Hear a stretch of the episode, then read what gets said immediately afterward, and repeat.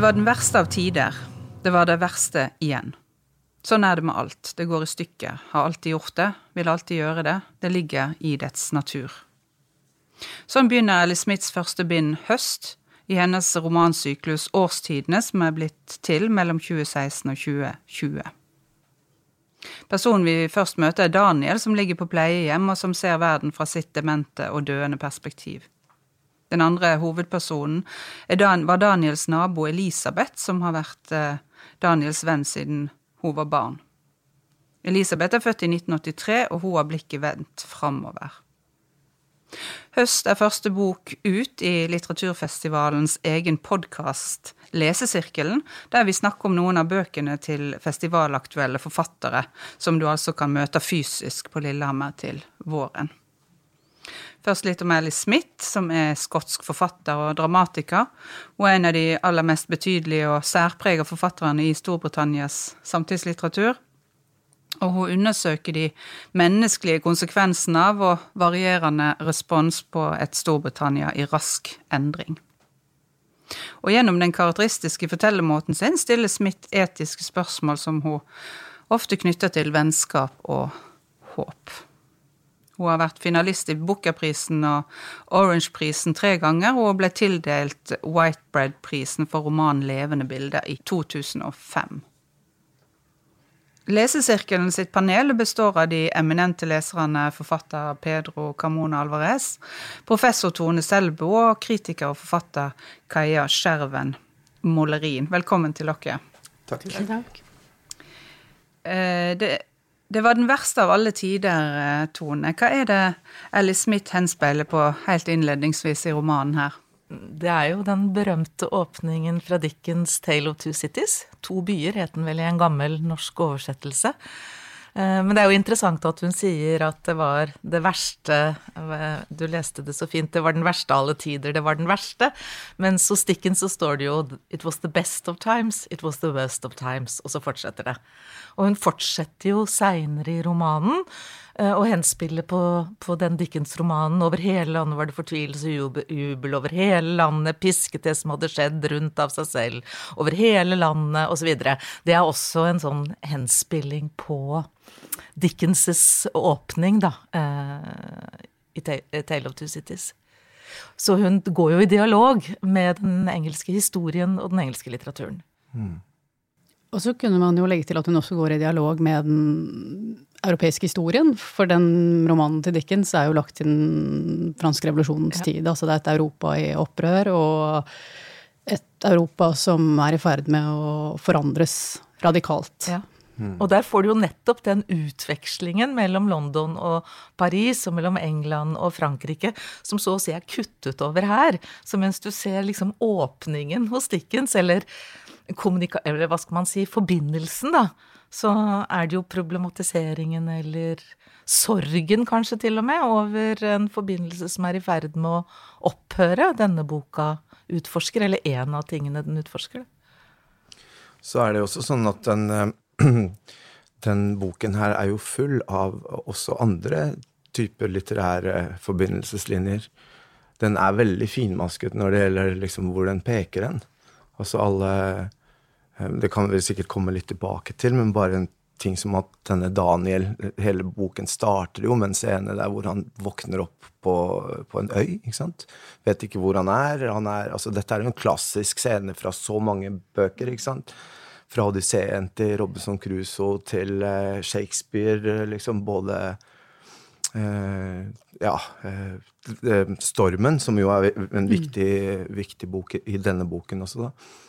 Så, så, på en måte Hun er veldig, veldig god til å, til å um, samtale, syns jeg, med andre, andre bøker, andre fortellinger, mm. og bruke dem uten egentlig å være noe skrytete eller noe sånn flashete at nå skal jeg liksom vise dere hvor mye jeg har lest. Men det er utrolig fint. Det er veldig fint. Og jeg hørte et eh, jeg vet ikke om det var et intervju med henne eller en uttalelse henne hvor hun sier at hun er ute etter å stille noen sånne store spørsmål, da. Hva tiden er, hvordan vi erfarer den. Det er jo mm. liksom, det er jo ikke småtteri, mm. men hun gjør det jo så hvilket ord jeg skal bruke, nennsomt, mm. så fint. Sånn at hun inviterer jo oss inn til å tenke med. Og det som jeg syns er litt slående med den, er at hun, hun gir jo denne Daniel en, en veldig symboltung alder. Altså han er vel 101 år gammel. Eh, som, som, betyr at han har hele det 20. århundret erfart i seg. Altså apropos hvordan man erfarer tid. Men samtidig så er det boken i seg selv er jo ikke noe sånn overgripende analyse av vår tid. Det er jo mer som om hun skriver fram veldig hverdagslige situasjoner, og ut av dem så kan hun kaste lys over noen større, overordnede spørsmål. Men hun holder seg jo hele tiden i det konkrete, hverdagsnære. Mm. Selv om hun holder på med mange abstrakte spørsmål, som hva er tid, og, og hva er Europa, ikke minst. Mm. Ja, Det syns jeg er kjempefint. Hun er jo på en måte en slags sånn mikrohistoriker som, som leser historien fra bakkeplan, fra enkeltmenneskets side. Så hun gjør jo på en måte det romanen også er så egnet til å gjøre. Og bli en historiefortelling på en annen måte enn liksom å trekke opp de svære linjene. Det syns jeg er veldig fint. Jeg syns i hvert fall for meg så er noe av det sterkeste i denne romanen er også eh, den måten hun leser fram fellesskap på, da. Både fellesskap som går i oppløsning, men også andre og nye fellesskap som oppstår. Kanskje særlig da det mellom Daniel og Elisabeth, da. Hun er jo bare elleve år, er hun ikke det, når hun blir eh, venn med naboen. Mm. Så, og det er jo et helt sånt unikt vennskap. Et livsvennskap, rett og slett. Det er jo en, på veldig mange måter også en, kjærlighet, en roman om kjærlighet, mm. syns jeg. Ja, eh, det er en kjærlighet som er så djup og så, så sterk og så umiddelbar. Altså, fra, det står jo et eller annet sted i boken at uh, når man først møter et sånt menneske, så vet man det. At det her har kommet for å bli. Det spiller ingen rolle om det er liksom Hva er det, 69 år i aldersforskjell, på en måte. ikke sant? Det Men det er et eller annet med kommunikasjon, og, og um, jeg er helt enig med at for meg så har det også vært en sånn uh, Det her med å at en, en, bok som handler om fellesskap, det handler om brutte forbindelser, ikke sant? handler om brexit, handler om det at England igjen blir en øy. Mm. Den boken åpner jo også med dette her det her skipbruddet. ikke sant? Mm. Du havner på en øy. Er han død? Er han ikke død? Han drømmer, ikke sant? Uh, allusjonen her er veldig klar også til Daniel i Bibelen. ikke sant? Denne drømmer, drømmeren som, uh, som, på en måte blir kastet ned i løvens hule av Dereios, og som da klarer å så kommer seg ut av det fordi det sier han jo selv også på et tidspunkt. Ja. ja. Sånn at han på en måte Men alle disse forbindelseslinjene til, eh, både, altså til kontinentet, de brutte forbindelseslinjene, hva skjer når det ikke er flere folk å jobbe på gamlehjemmene våre, liksom, sant? Som vi snakket om. Og, og, um, men så er det også de forbindelseslinjene som er de imaginasjonens forbindelseslinjer, og fortellingenes forbindelseslinjer, som da er eh, på en måte grunnlaget mellom, mellom Eller selve navet da, i vennskapet mellom denne, denne lille jenta og denne gamle, gamle mannen. Det er veldig fint. En annen ting som er slående, bare si det også siden vi um, kommet inn på det vennskapet, er jo at i, i, denne boken, og i egentlig alle disse bøkene som utgjør kvartetten, så spiller jo barnet en mm. viktig rolle. Og da ikke bare det utsatte barnet, men, mm. men, men, det eh, livfulle barnet som ingen spørsmål er for dumme for. Ja. Uh, og, og, det kan man jo, kan vi sikkert komme tilbake til etter hvert, altså hvilken rolle barnet spiller mm. i disse bøkene. For det er klart at det følger jo mye fremtid med et barn også. Det er mye håp eh, forbundet med, med, barn. Så mm, det er jo i hvert fall en side ved det som mm. i, en, i, en, ellers kan, også ganske mørk bok. Altså Den ja. har jo så mange fasetter. Jeg er helt enig, og Daniel som jo selv vi får vite ganske lite om. Vi får vite litt mer eh, i de seinere bøkene, eller det mm. kommer fram flere bruddstykker av ham, da, eller hans historie. så har han jo åpenbart en veldig sånn sterk krigshistorie bak seg. Og, og, han blir jo en livbøye for Elisabeth, som er et ensomt barn. Eh, og den måten de samtaler på og lager disse fantasilekene på, og utvikler Jeg er veldig enig med deg, Pedro, at det utvikler en form for kjærlighetsforhold. Jeg hadde ett sitat her som jeg syns er det som er sterkest for meg i hele boka, eh, er ganske langt ute i boka hvor, hvor, det står man må håpe, sa Daniel, at de menneskene som kjenner oss litt, når det kommer til stykket, har sett oss som vi er. Når det kommer til stykket, er det ikke så mye annet som betyr noe. Det er jo utrolig fin mm. Eh, måte å sirkle inn hva fellesskap, vennskap, kjærlighet er for noe. Det å bli sett som vi er, på et eller annet vis. Um, kan jeg også spørre hva, altså, Kunsten er jo veldig viktig i dette, i dette vennskapet. Hva rolle spiller kunsten for, for de to, og for fortellingen, og for, uh, for håpet i, uh, i, i, romanen?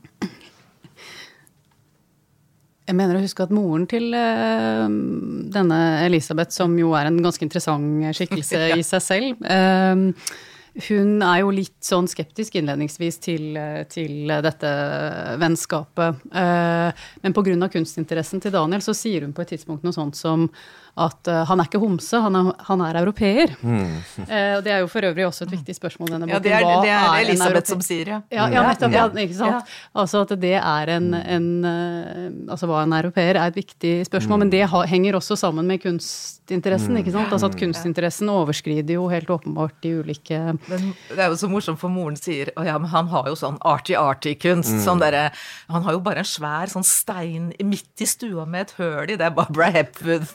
Edwards store skulptur, som han jo selger, viser det seg på slutten, for å få råd til å bo på Eller har solgt for å, for å legge seg inn på et privat pleiehjem, da. Men, mens uh, Elisabeth stiller jo hele tiden spørsmål ved dette. Liksom, ja, er, er vi har jo også bilder på veggene, er ikke det det samme? Uh, så det er jo utrolig mange morsomme måter dette kommer fram på, f.eks. når han kommer inn i stua deres og ser på bildene, barnebildene av moren. Så sier han jo da, de er fine, men så er det noen sånne blikk bilder som er gamle sånne reklamebilder eh, som han ser liksom bakerst i bildet, og det er de som interesserer han. Mm. Så man, man, ser liksom at han har det derre blikket for detaljene, mens moren er jo så skeptisk først, og det er jo så mm. morsomt dette at ja, den gamle homsen og, mm. og og så kommer jo dette motivet igjen på slutten, hvor hun selv får en eh, kvinnelig kjæreste som er en aldeles nydelig historie. Mm. Hvor, hvor, det plutselig oppstår, og hun blir så lykkelig og hun blir så glad, og det oppstår et helt Igjen et alternativt fellesskap. ikke sant? Et annet fellesskap enn det som er kjernefamiliens fellesskap, eller mm det tradisjonelle britiske fellesskapet, eller hva man skal kalle det. Så tror jeg også det der med blikk i det hele tatt er veldig viktig i den romanen. Altså, tenk, apropos det du sa i sted, Tone, om det der å bli sett som dem vi er. Altså, det har jo også med kunsten å gjøre. Altså, det der å Altså hvilket perspektiv som finnes i kunsten på eh, altså mellommenneskelige relasjoner, på, på samfunnet, på jeg, Nå husker jeg ikke hvem i romanen som sier det, men jeg, på et tidspunkt så er det en som sier dette med at det går an å forelske seg ikke i, i en person, men i, i, på en måte blikket mm. til en person, mm. altså perspektivet. Det er Daniel som sier det, og det er jo så fint at det, han sier det. Ja. For det er jo litt sånn, det er jo nesten sånn man kan føle det egentlig med, med Smith selv når man ja, leser boken. Ja. At man, altså det er noe med hennes perspektiv på eksistensen som, som er til å forelske seg i. Mm. Det er jo også sånn sett en kjærlighetshistorie. ikke sant? Mm. Altså det der med ja, og komme til seg selv gjennom andres blikk. Ja.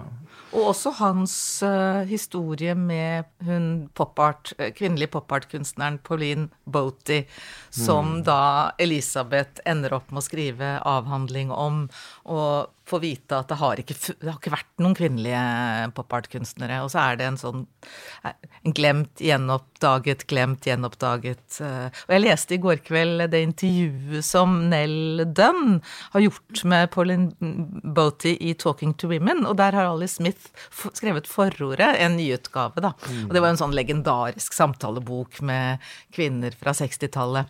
Og hun døde jo så ung, og jeg visste ikke noe om henne før. Men jeg syntes det var kjempeinteressant å få innblikk i det. Og det kommer jo frem i romanen nå. Vi får jo en innsikt i ting som vi ikke nødvendigvis kan noe om fra før av. I hvert fall gjelder det meg. Og, og den er jo så fin, den uh, beretningen om henne, og hvordan hun bli, bruker blikket for å fremgi et annet perspektiv på den store politiske skandalen med Christine Keeler og og spioner og prostitusjon og hele den derre kjempeskandalen uh, som foregikk der på 60-tallet. Sånn at um, det der med blikket tror jeg du har helt rett i, Kaja. Det er veldig sentralt her, altså. Og det er det hun Pauline Boaty sier i dette intervjuet òg, så sier hun jo liksom at Hun snakker om hvordan hun vil bli sett, eller hvor vanskelig det er å bli sett som kvinne, selvfølgelig, men også i det hele tatt å tørre å fremstå i en offentlighet. At hun syns det er liksom problematisk, da. Og kanskje for henne som var så ung og vakker, og hvor utseendet rett og slett stengte åpenbart for det hun ønsket å uttrykke, fordi at fasaden blir det som er, og alt som er, og så glemmer man å se etter noe mer. Det som, eh, det som, du nevnte, Kaja, med den morsomme setningen fra barnemunnen om at han er ikke homo, han er europeer. Det, jo, det, er jo på en måte litt sånn som Alice Smith nærmer seg alle disse store spørsmålene, syns jeg, hele tiden utrolig elegant.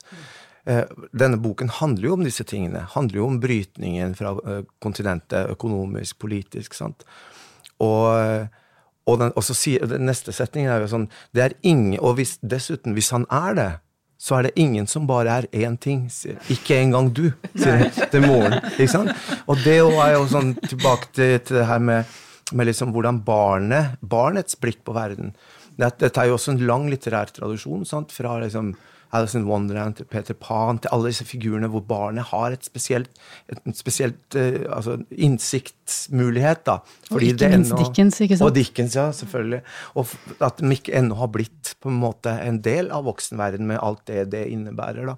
Så man har en sånn slags uh, tilgang på en, på en måte en, en kortere vei til, til, noen sannheter. da. Eller, eller, i hvert fall til å kunne stille spørsmål som, krever, som avkrever en viss type sannhet. da. Men jeg syns også det at eh, når man snakker om, om, blikk, så er det det brutte blikket. altså Kollasjen til Boaty Det er jo åpenbart at det er viktig at hun er jo en hun er jo en collage, altså en, en pop art-artist. sant? Glemt, som du sa, Tone. Vakker. Noe som på en måte ikke kanskje alltid er bra når man er kvinne og skal være seriøs innafor et kunstfelt. ikke sant? Og så er det da eh, det kollasjens brutthet, kollasjens altså dette her, Og, og prosaen til Alice Smith også har jo noe sånn kubistisk ved seg. Den har veldig, veldig bråe brudd. Den er veldig kjapp til å vende. Den tar, har veldig lite av disse her narrative øh, øh, konvensjonene over seg. Den sier plutselig øh, I sted var det september, nå er det juni. Altså, den vender sånn. nå er hun elleve år. Veldig sånne kjappe kjappe, ganske, ganske, drastiske måter å vende tiden på, som hun tar seg frihet til å gjøre. da. Og det Hun har um, I en samtale uh, med han uh, Daniel her, så, så, sier han Daniel dette her med med kollasjene er en utdanningsinstitusjon, sier han, der alle reglene kan kastes opp i lufta, og størrelsene og rom og tid og forgrunn og bakgrunn blir relative, og på grunn av denne teknikken blir alt man tror man vet, forvandlet til noe nytt og ukjent.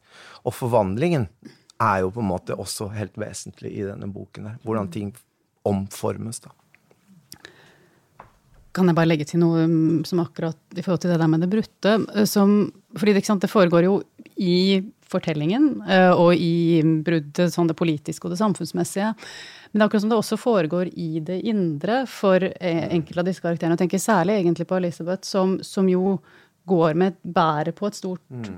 brudd, fordi hun bor alene med moren sin, og mm. faren er borte. Han mm. dukker jo opp i en senere roman i denne kvartetten. men men eh, det er en helt fantastisk scene som, som illustrerer dette altså utrolig gripende, syns jeg, mot slutten av boken, hvor, hvor hun um, har vært ute og gått på noen sånne rulleskøyter på fortauet. Og, så, og så, hun, så, snakker hun med Daniel etterpå at hun blir så fortvilet fordi at hun om kvelden blir liggende og tenke at hun Hvorfor er det sånn at hun husker alle mulige slags ubrukelige detaljer om hvordan fortauet ser ut, og, og, den sprekken der, og der er det gress og sånn, men så husker hun ikke ansiktet til faren sin.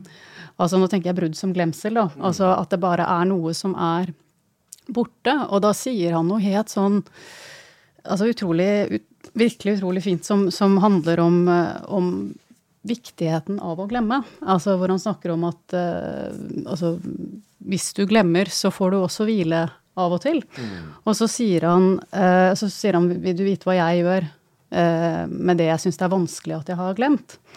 Og så skriver, nei, sier han da, nå leser jeg bare noen få setninger, jeg tenker meg at det jeg har glemt, ligger sammenkrøpet inntil meg som en sovende fugl. Hva slags fugl da? spurte Elisabeth. En vill fugl, sa Daniel. En hvilken som helst fugl. Du vet hva slags fugl det er når det skjer. Og så, Det jeg gjør, er bare å holde den der. Ikke for hardt, og lar den sove. Ikke noe mer.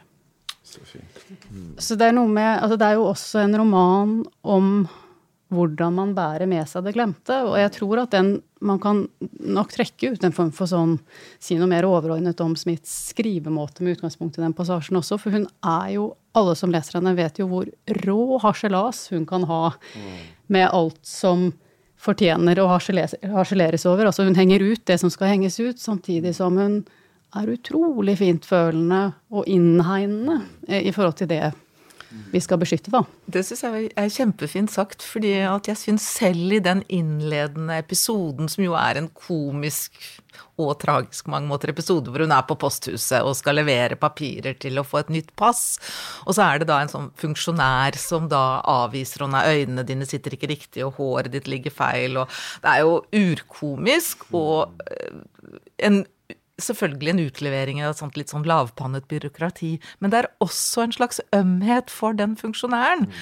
Fordi at han er egentlig helt fortvilt. Og når han ser at hun ser at han har en fortvilelse i øynene, så blir det bare enda verre. Så det ligger så mange lag her at mm hun glemmer aldri at selv om han står der som utøver for et helt håpløst byråkratisk system, så er han et menneske som det er eh, verdt å se på, eller som man skal lytte til, eller selv om, selv om han også utleveres, da. Og jeg syns det er så mange sånne dobbeltheter, eller liksom eller, og omdreininger i romanen som kanskje også kan uh, ha en sånn som har en slags sånn kollasjeeffekt, mm. men som også er gjort med en ja, en stor grad av ja, ømhet, syns jeg kanskje er det ordet som uh, dekker det beste. Altså, Det blir jo sagt om Alice Smith at hun er en sånn uh, sterk samfunnsrefser, men alltid den, hun er en sånn varm samfunnsrefser. Og blir sagt om henne at hun har en vakker sjel, at hun er et godt menneske. og uh, Klarer dere å gi, sette ord på hva dette Eh, varme og vakre hos Ellie eh, Smith er for noe? Jeg syns jo at selv om vi møter et England og et samfunn som er i krise og i oppløsning, så er hun jo ikke en som glemmer å, å minne om at det finnes sånne små celler av håp som er knyttet til ja, til muligheter for fellesskap, da. Til muligheter for vennskap. Og det mm. kommer også veldig tydelig frem i noen Nå husker jeg ikke akkurat i hvilken det er, men hvor, hvor det er en ung gutt blant annet med helt forferdelige holdninger, mm. og som oppfører seg helt grusomt mot søsteren sin, og som bare ser på voldelige videoer og sånn. Og, og hun viser på en måte også der at uh, han er ikke fortapt allikevel. Det er en mulighet for, um, for uh, følelser mm. og emosjoner, og det er en sånn veldig sånn ja, emosjonell ærlighet her, da. Um, men mm. uh, jeg har aldri truffet Ali, Smith, men, uh, men jeg syns jo at hun er jo som forfatter noe av det mest interessante og mest sånn givende jeg har lest på mange år.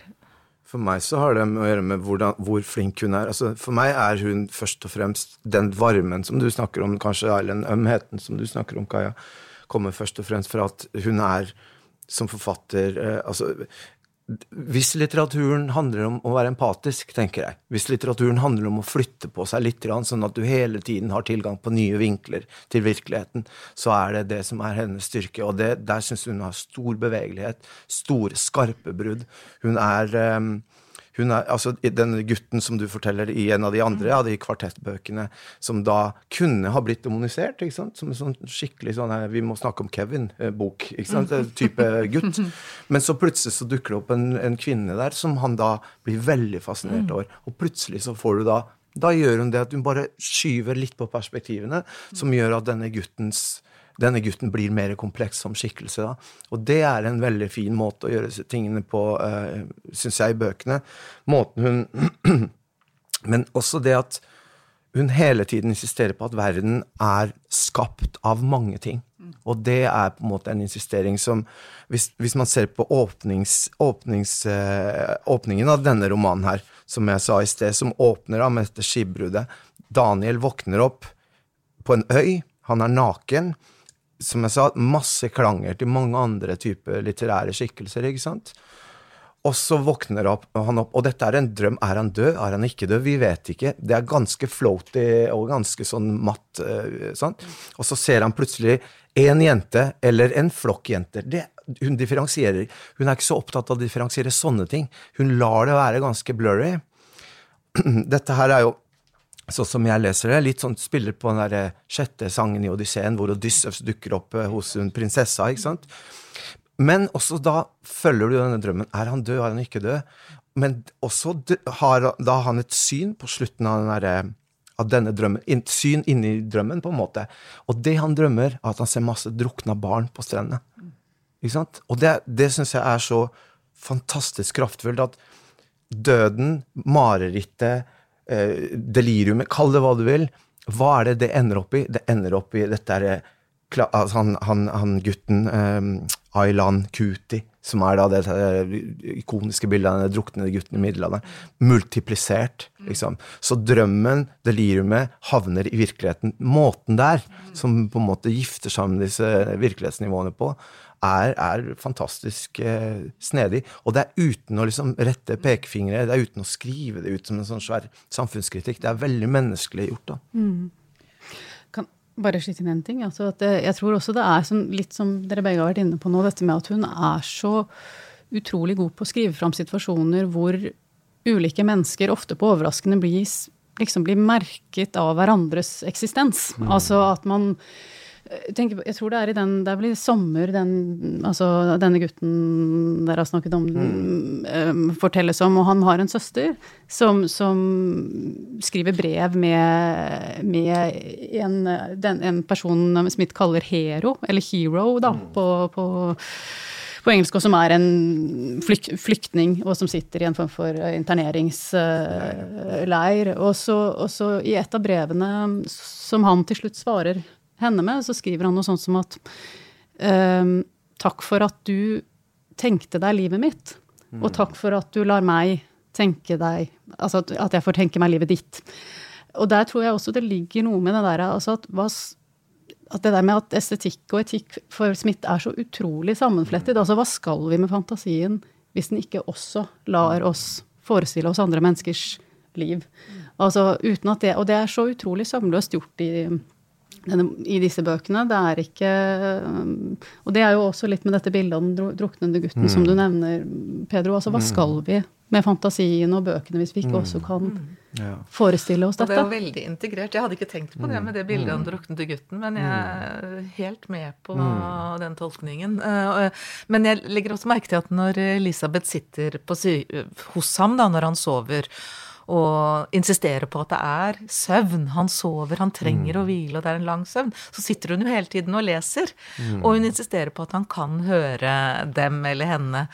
Og da leser hun jo mm, Brave New World, hun leser, Toby, hun leser Dickens mm. øh, og flere ting. Og Ovid, da. Ja, mm. sånn at det er Ja, Ovid også. Mm. mm. Metamorfosen, ja, mm. selvfølgelig. Selvfølgelig. Ja. Eh, sånn at der på en måte gjentas uh, de poengene som du har kommet med nå, mm. eller dere har kommet med nå, gjentas jo også i det hun leser. Mm. Altså hele tiden sånne perspektivforskyvninger. Ja. uh, muligheten for, for forvandling. Jeg, jeg tenker også det er en veldig viktig del av eh, ja, av kunstens rolle her, og metamorfosen og muligheten for forvandling, som du sier, og endring. Eh, og at eh, det ligger veldig mye muligheter i enkeltmenneskets eh, evne til å sjøl ta valg og endre seg. Ja, og jeg tror også at det er noe jeg tenker jeg lurer på om det også er noe med det der at hun er så lite, i hvert fall i bøkene, da så fremstår hun så veldig lite moralsk retthaversk mm. på vegne av seg selv og på vegne av vår tid. At det ligger en form for innsikt som er sånn at, at i disse bøkene at vi lever i historien, ikke bare forstått mm. som at vår tid en gang skal bli historie som andre skal lese om, men som i at, at vi gjentar fortidens mm. feil, på en måte, da. Altså Denne historien om Daniel har jo også dette med at han, er en, at han har vel tysk far. Mm. Eh, slik at, eh, og, og, under krigen altså andre verdenskrig, så ble vel um, Så ble tyskere i England også, an, også ja, ble internert, ikke sant. Og han ble med frivillig, så å si. Han kunne ha sluppet unna, så vidt jeg forstår. Ja, ikke sant. Som at, eller, som at når hun da skriver om disse altså asylsøkere som blir satt på interneringsleirer, så sier hun jo indirekte at fremmedfiendtligheten har veldig dype røtter mm. i, i, England. Vi skal mm. ikke tro at vi er noe bedre enn mm. fortiden som det er lett å moralisere over. Når det er hvem er ikke uenig i slaveri i dag? Mm, ja, altså. Ikke sant. Ja. Og det, det, det, motivet, eller det, den tematikken kommer jo veldig tydelig fram i de andre bøkene òg. Men har dere tenkt noe på hvorfor denne første heter Høst? Altså Hun begynner jo med høsten. Ofte mm. så tenker man jo liksom en årstidssyklus, så mm. begynner man liksom med våren.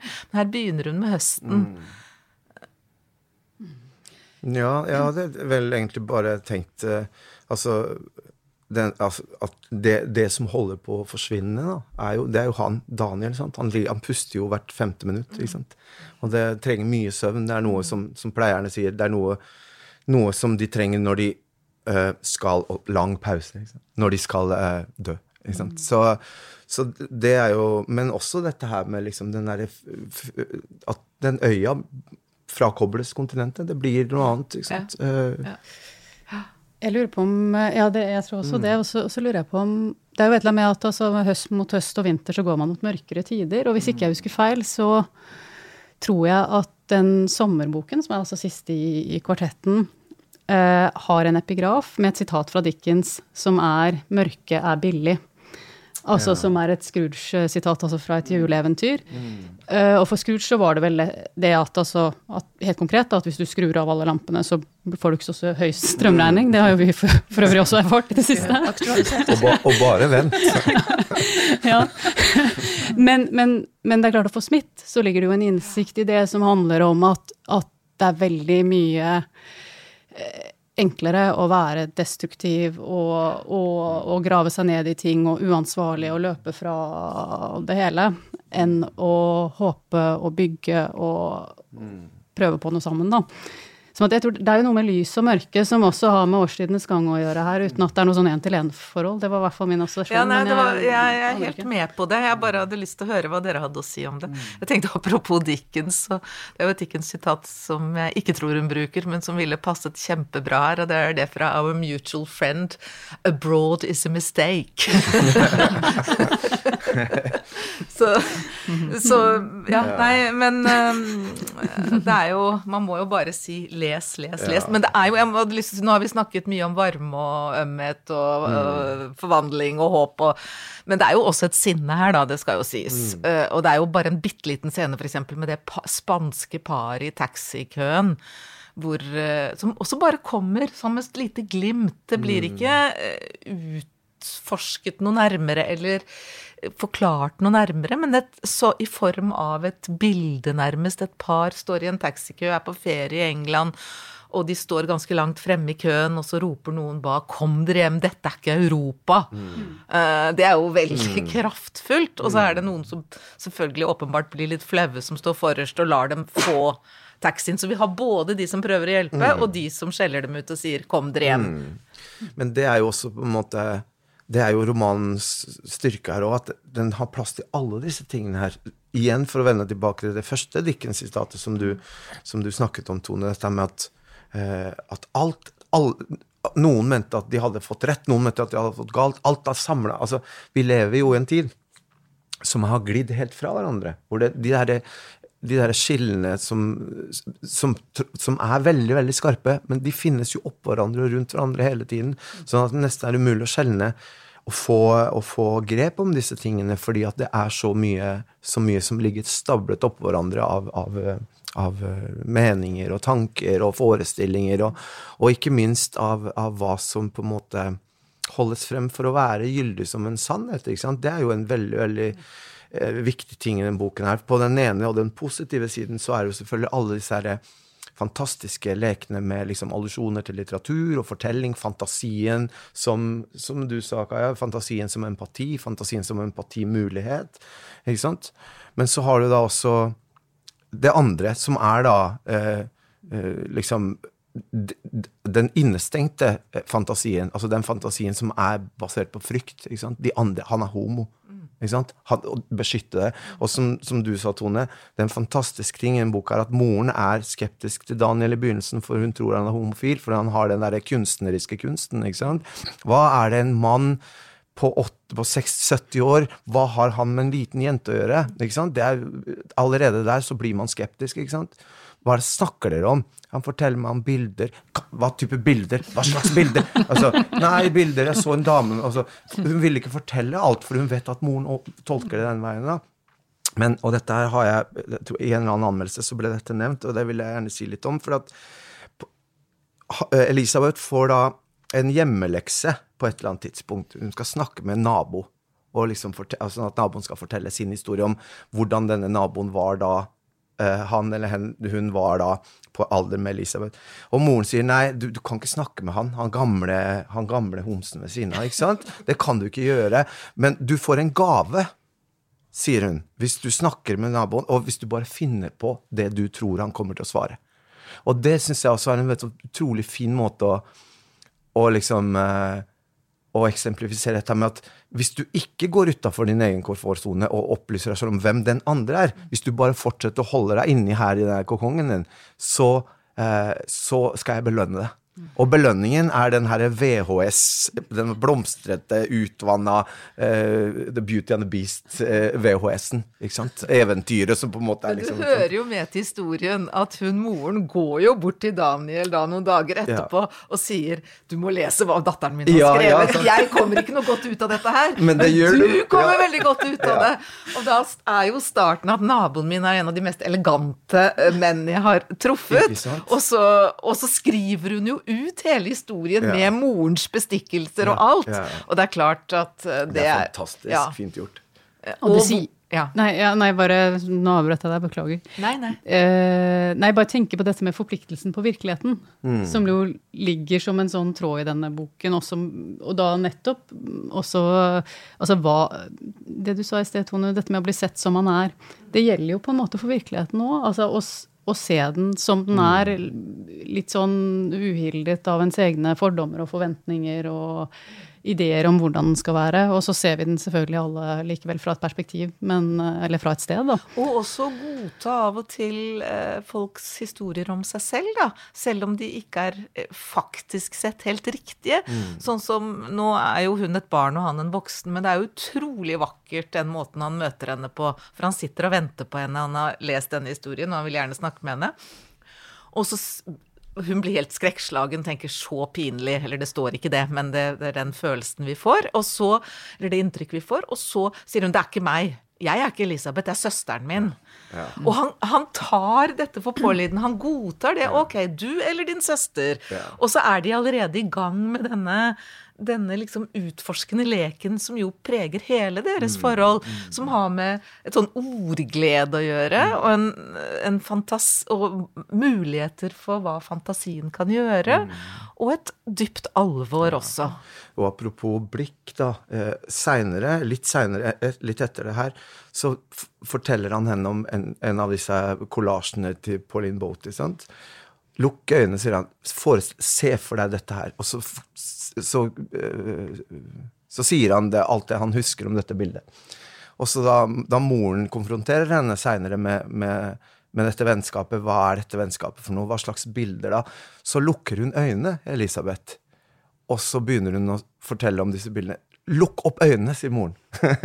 og så sier hun ja, men jeg kan ikke det. For det er bare sånn jeg kan se bildene. Og det er veldig, veldig fint. Mm. Eh, hun går jo inn i veldig veldig komplekse samfunnsforhold og er veldig veldig kritisk, som vi har snakket om. Men eh, f.eks. Eh, eiendomsstrukturen i England blir jo beskrevet ved at Elisabeth går vel mot et område som tidligere har vært common land, og som plutselig er det satt opp noen gjerder der. Og så Dette er veldig britisk eller engelsk problemstilling. At det er nesten Man vet ikke helt hvem som eier landet lenger. Eh, jeg tror såpass mye som 17% av eh, jorda er, har man ikke oversikt over hvem som eier.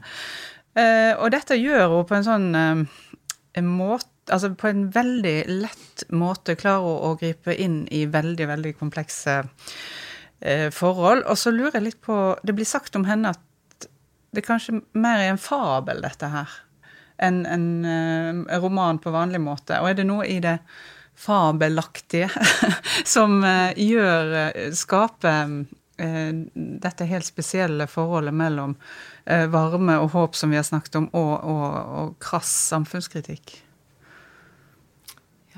Det er ikke så godt å svare på. Jeg, jeg, jeg syns at dette er en på en måte forbilledlig som roman, for den bruker alle romanens muligheter, nemlig å koble liksom faktahistorien, fantasien, det fabelaktige på alle mulige måter. Eh, og så føyer den dette sammen til en form for historie, men som ikke er en sånn eh, Som du var inne på, Pedro, det er ikke en historie som liksom fortelles fra A til Å, men den hopper og den bry, avbryter seg selv osv. Og, så videre, og blir en form for kollasj da selv. Men, men eh, jeg har ikke noe problem med å si at uh, dette her er en liksom en, mm. en, Den gjør det som romanen gjør på sitt beste. Så tror jeg også, mm, bare kort da, å si at jeg tror også det er noe med at hun bruker noen sånne rekvisitter som, som, man kan forstå helt konkret, men som også kan forstås allegorisk. Sånn som f.eks. et gjerde. Mm. Som, som, som, på den ene siden eh, beskytter, eh, og på den andre siden stenger ute.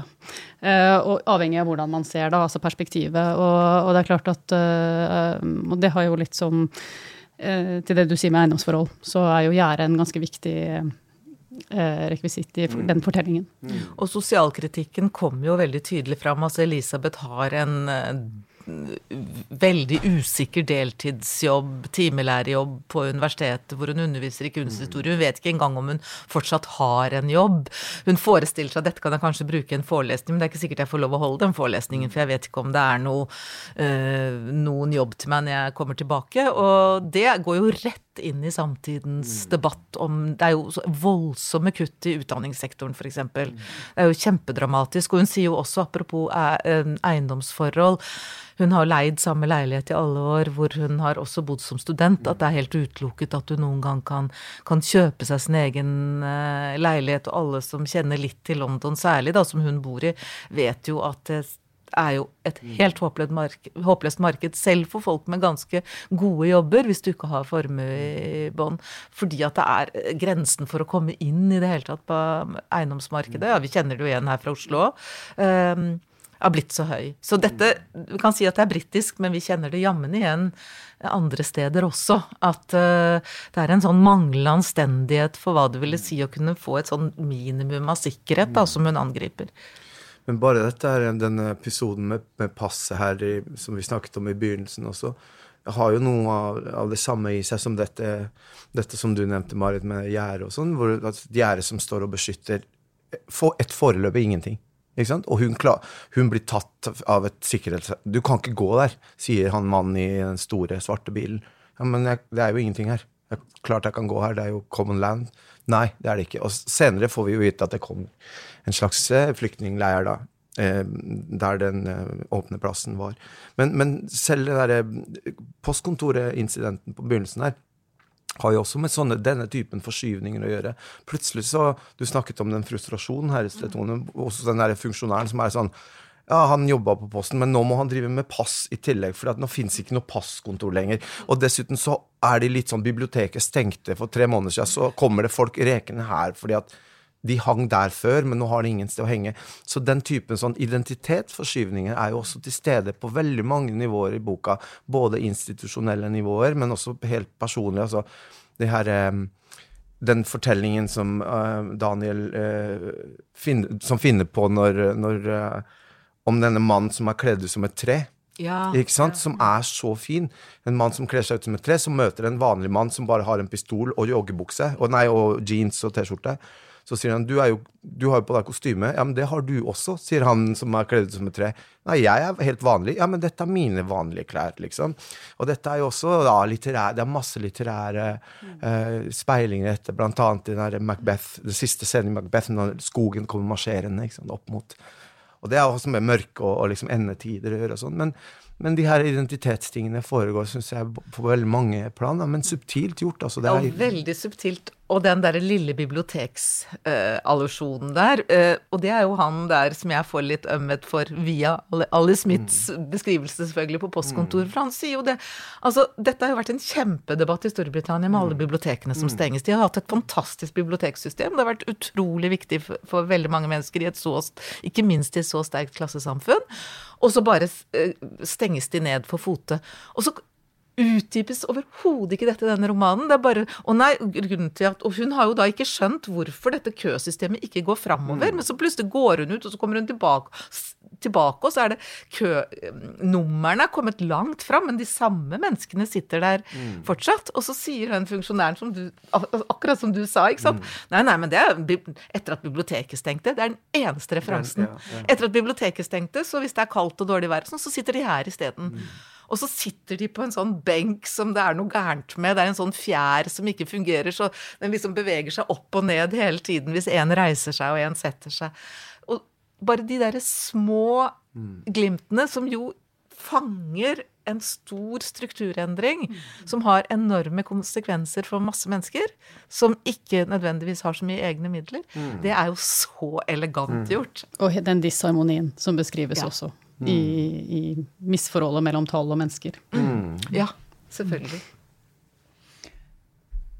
Um, Høst er altså første bok i kvartetten, årstidskvartetten til Ellie Smith. eh, og der hun utforsker vårt forhold til tid, som vi har snakket om.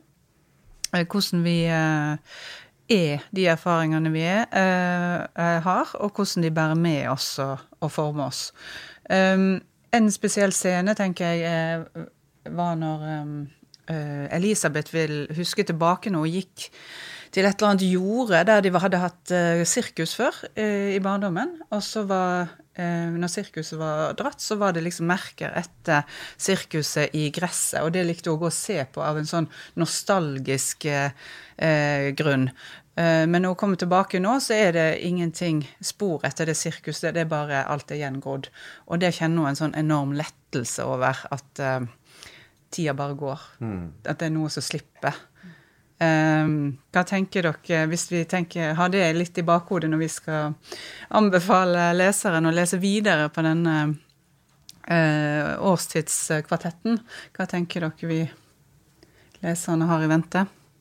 må bare si at jeg er helt enig med deg, Tone. Jeg syns de bøkene her eh, Jeg hadde en litt sånn forunderlig eh, Altså, jeg har aldri lest henne før disse her, og jeg kjøpte vel en som et vinter først. Og prøvde å lese han uh, i en periode hvor jeg hadde veldig mye annet å gjøre. Og leste noen sider og liksom, tenkte at, at dette her ble for springende for meg, eller eller jeg fikk ikke helt fot på det. Men så plutselig så gikk det noen tid, så hadde jeg noen uker da, der hvor jeg satte meg ned og begynte med høstboka for, for sikkert et års, års tid siden.